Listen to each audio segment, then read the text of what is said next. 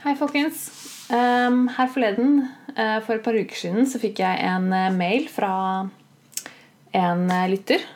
Um, og jeg tenkte jeg skulle lese den mailen og i tillegg lese det svaret som jeg ga til vedkommende. Um, det ble et veldig mye lengre svar enn jeg egentlig trodde. Og så tenkte jeg at det svaret også er ganske informativt. Og det kan kanskje være noe interessant å høre for eh, dere. Og det dreier seg om eh, personlighetsforstyrrelser. Og hun skriver eh, Hei og takk for genial pod. Jeg har selv to forskjellige personlighetsforstyrrelser. Enslig unnvikende og emosjonelt ustabil. Men med kjente trekk fra omtrent alle de tidligere kategoriserte typene.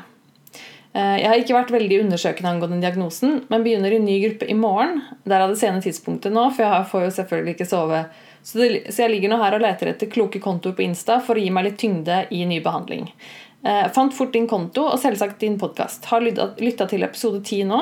Og jeg må si at jeg lærte mer på den timen enn jeg har gjort på mange år i behandling. Syns det, er, synes det er så vanskelig å finne noe mer eh, enn de få vanlige setningene som er ramset opp. Og jeg hater å rote rundt på Google, så jeg syns det var veldig gøy å høre på. Eh, du sier vi kan sende spørsmål. Jeg har et som jeg har spilt flere leger og terapeuter, men egentlig ikke fått noe særlig godt svar på.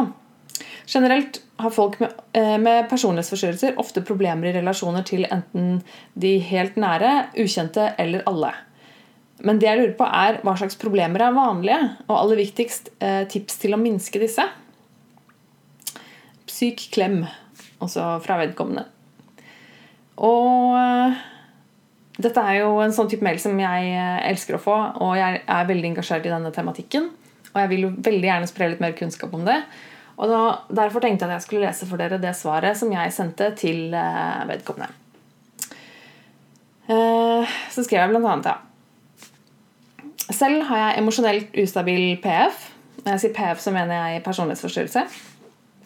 Eh, og tvangsprega PF av det gamle systemet. Men selvfølgelig har jeg også flere elementer fra flere.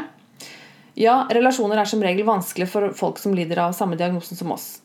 Jeg har kjent på dette mye opp gjennom årene selv og har lest mye om diagnosen. Slik jeg har lest og erfart, er det veldig vanlig å slite med å opprettholde gode og nære relasjoner over lengre tid for oss pga. svart-hvitt-tenking og mentaliserings- og tolkningsproblemer bl.a.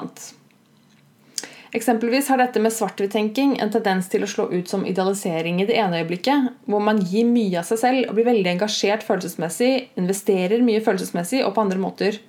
Enten om det er eh, vennskap, kjærlighetsforhold eller familie. Eh, og så i det ene i neste øyeblikket kan det snu til fiendtliggjøring, hvor man kan trekke seg unna, bli fornærmet, sint, såra og ikke ønske noe mer med vedkommende å gjøre.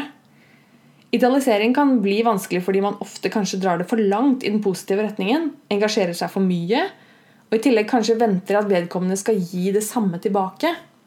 Dermed kan det føre til fiendtliggjøring når man da ikke føler seg sett, hørt eller føler seg misforstått.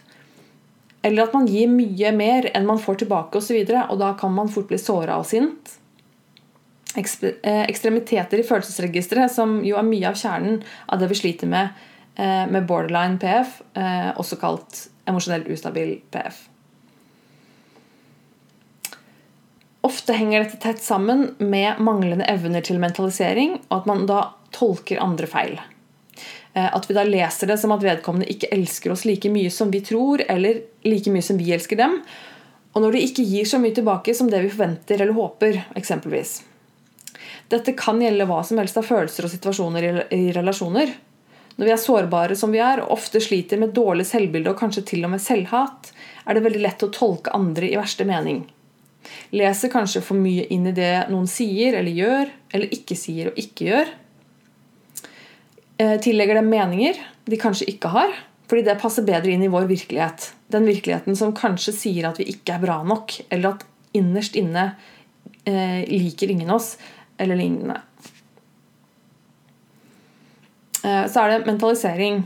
Eh, da skal jeg lese en definisjonen av mentalisering. Mentalisering kan defineres som evnen til å trekke slutninger om mentale tilstander hos en selv og andre. Å kunne trekke slutninger om andres atferd og indre mentale liv gjør det mulig å forutsi andres atferd og ut fra dette igjen regulere sin egen. For å kunne trekke disse slutningene må man forstå andres og ens egne mentale tilstander, tro motiver, emosjoner, ønsker og behov, Man tenker seg til at evnen til å gjøre dette legger til rette for å bedre sosial interaksjon. Og det er veldig ofte noe vi med borderline PF sliter med. Generelt regulering av følelser og det å tilpasse disse andre mennesker og situasjoner. Vi tolker feil og regulerer feil, eller klarer ikke å regulere. Alt dette gjør selvfølgelig at det kan være vanskelig for andre å forholde seg til oss iblant. Naturlig nok er det ikke bare vanskelig for oss, men det kan også være en påkjenning for venner og familie osv. Jeg har mistet mange venner opp gjennom årene pga. dette. Både at jeg har gjort det slutt, i gåsehudene, men også at de har gjort det. Pga. ovennevnte problemer, men også for å beskytte meg selv. Bedre om jeg trekker meg unna først før de gjør det, som et selvforsvar osv. Det er fryktelig komplekst, og jeg kunne skrevet om det her i lange baner. Og som du vet, så er det komplekst og går på personlighetsstrukturen vår. Så det å skille ut én eller to ting blir vanskelig når alt henger sammen, men jeg tror nok dette er ganske vanlige problemstillinger for oss med borderline PF. Alt dette er jo selvfølgelig pga. at de fleste av oss har store sår og traumer mentalt. Eh, og som reaksjon har bygget oss opp en kjempemur av forsvar og overlevelsesstrategier. Så hva kan vi gjøre? Bli bevisst og øve. Dessverre er det ingen quick fix eller mirakelkur for oss. Medisiner hjelper heller ikke på denne problematikken, selv om det kan hjelpe ved symptomlidelser som angst eller depresjon osv. Så sånne ting. Men det som hjelper, er å bevisstgjøre seg på egne mønstre, og så må vi bare øve. Øve på mentalisering, øve på å se oss selv utenfra, øve på å se oss selv gjennom andres øyne og hvordan vi tolker andre øve på å regulere følelsene våre og vite at sånn som det er akkurat nå, vil forandre seg. Akkurat denne følelsen jeg har nå, kommer jeg ikke til å ha for alltid. Hjernen er plastisk, og vi kan lære nye mønstre, men det er vanskelig, og det tar tid. Vi må sakte, men sikkert manipulere hjernen vår til å reagere annerledes, og det tar lang tid. Jeg forsøker så ofte jeg kan å tenke på overblikket og se meg selv og andre utenfra.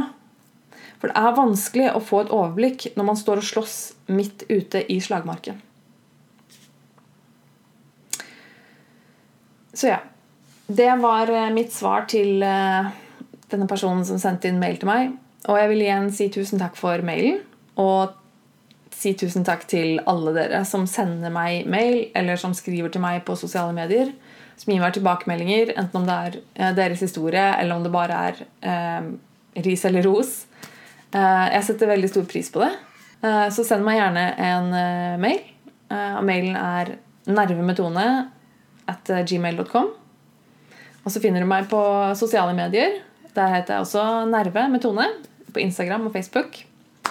Og så selvfølgelig, om du ser dette på YouTube, så finner du podkasten min i hvilken som helst podkast-app og Spotify. Der heter jeg Nerve. Last den gjerne ned. Tusen takk. Vi snakkes.